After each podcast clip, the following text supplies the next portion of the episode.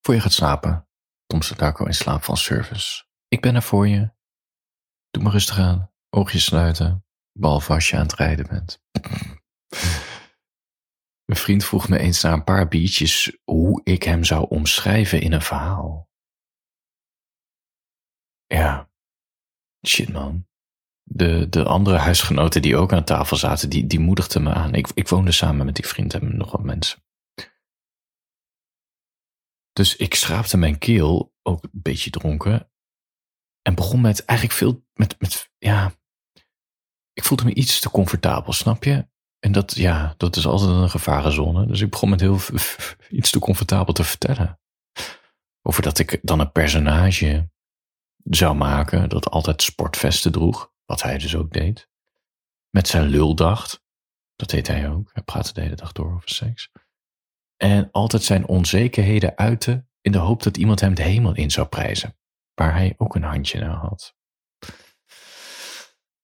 Het rest vond het heel grappig aan die tafel, maar in zijn gezicht, eh, hij vond het dus niet grappig. Hij liep, sterker nog, hij liep gewoon beledigd naar boven. En hij wilde daarna ook niet meer met me praten. Mensen willen heel graag dat je over hen schrijft, maar totdat ze de eerste zin lezen en zichzelf erin herkennen.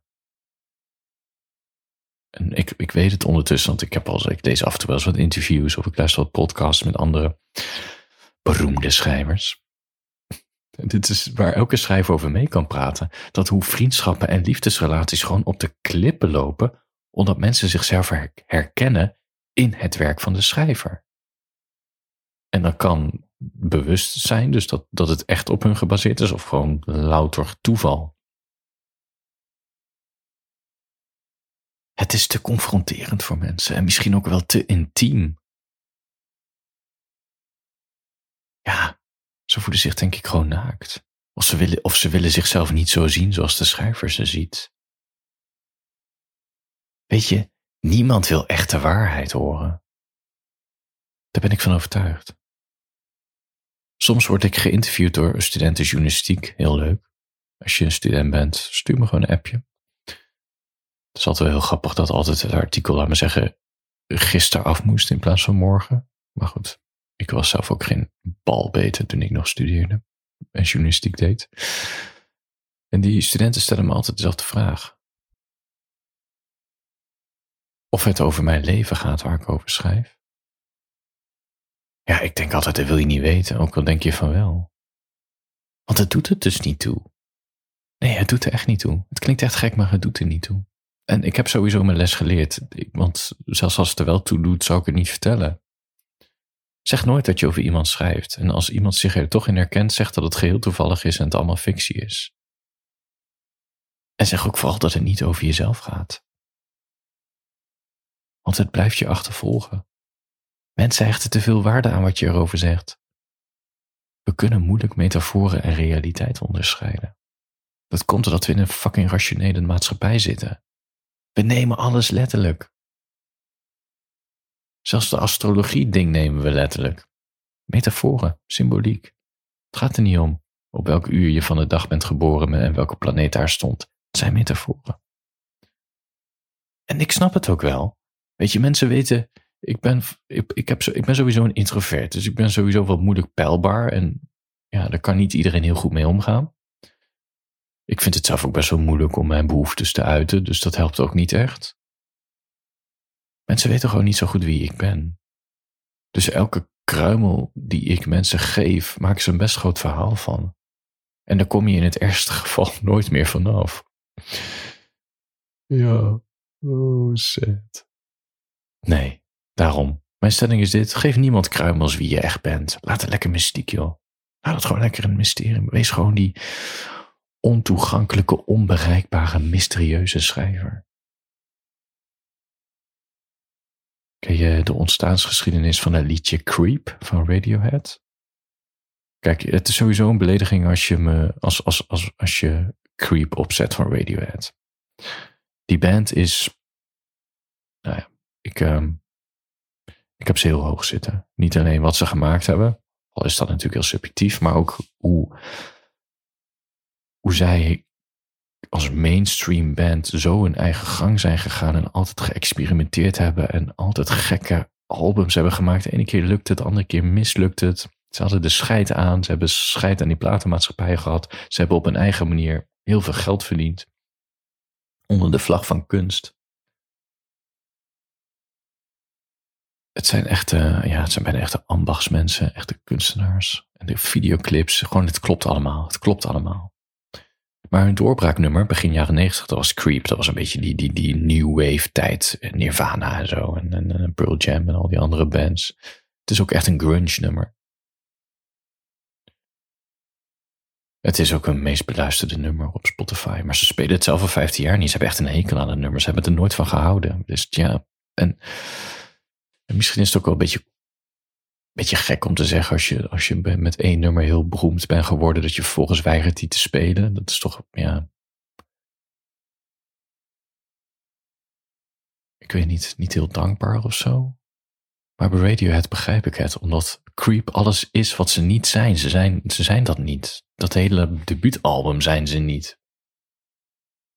Ze hebben zoveel andere afslagen genomen en zoveel vette dingen gemaakt. Het is, ja, dit nummer, als deze band zou sterven of uit elkaar zou gaan, zou het een belediging zijn als alle radiostations dit nummer draaien.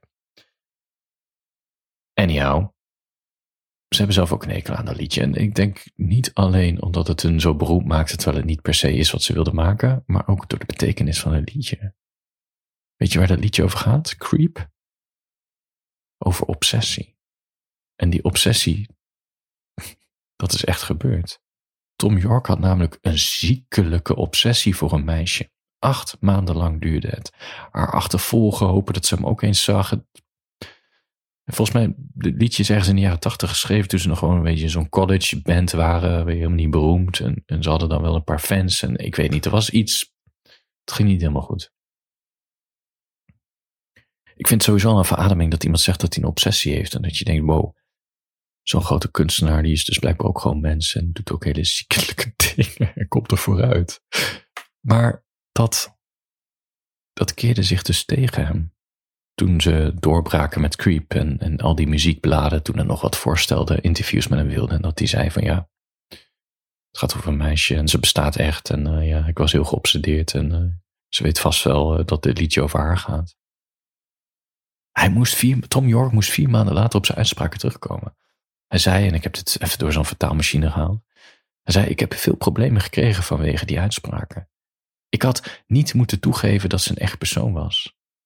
En ik ben er zeker van dat het haar geen bal kan schelen eigenlijk. Ze gaf er nooit om. Ze was sowieso niet zo aardig. Einde citaat.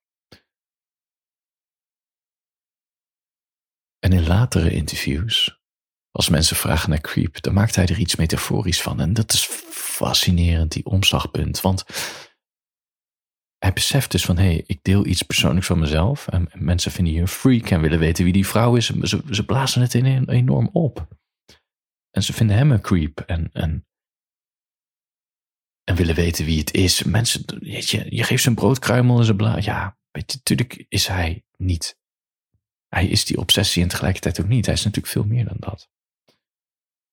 En later gaat hij praten in metaforen. En dat is veel beter. Metaforen is veel universeler. Dus dan vragen ze over waar gaat het liedje over. En dan antwoordt die metaforen. Je zegt hij.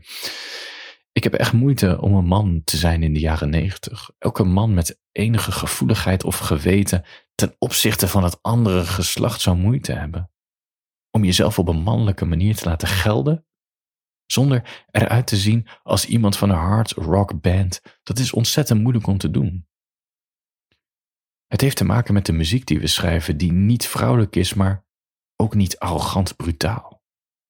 Het is een van de dingen waar ik altijd mee worstel. Het aannemen van een seksuele uitstraling en tegelijkertijd wanhopig proberen het te niet te doen. Ja, mooi. Ik moet zeggen, die vertaalmachine maakt er een beetje gekke zinnen van, maar. Kijk, dit is een metafoor. Hij zegt dus dat hij een beetje worstelt met zijn mannelijkheid. En daar maakt het heel een soort zwart-wit stelling van. ik betwijfel of iemand de hele dag doorworstelt met zijn mannelijkheid. Maar hij stipt wel interessante dingen aan over zichzelf en over mannen en vrouwen en rock'n'roll en gevoeligheid en stoer doen. Dat is metaforisch. Dat is metaforisch praten. Daar kan iedereen zich mee identificeren. En dat is beter dan de waarheid worden dat hij gewoon acht maanden lang ziekelijk met zijn hand in zijn broek achter een wijf aan heeft zitten rennen. Soort van. Dit is mijn stelling. Het doet er gewoon niet toe of het waar is of niet. Alles is een interpretatie. Alles is een metafoor. Maar mensen denken te realistisch, te. Nee, sorry, niet realistisch, te letterlijk. En dan kom je in problemen. Zoals ik met die huisgenoot en vriend. En dat die zei: Ja, ik had veel beter metaforisch kunnen antwoorden. Veel beter kunnen zeggen van, ja, een personage dat graag de beste versie van zichzelf wil worden, maar tegelijkertijd enorm worstelt met zijn seksuele frustraties. Snap je? Dan was die waarschijnlijk niet zo beledigd geweest. Waarschijnlijk. ja, ik weet het niet. Ik was gewoon iets te, ik was gewoon te eerlijk. Ja, daar heb ik wel spijt van. Doet toch pijn als iemand zich afgewezen voelt door je woorden. Ondanks dat het alcohol was en met een korreltje zout, maar tegelijkertijd ook niet. Ja.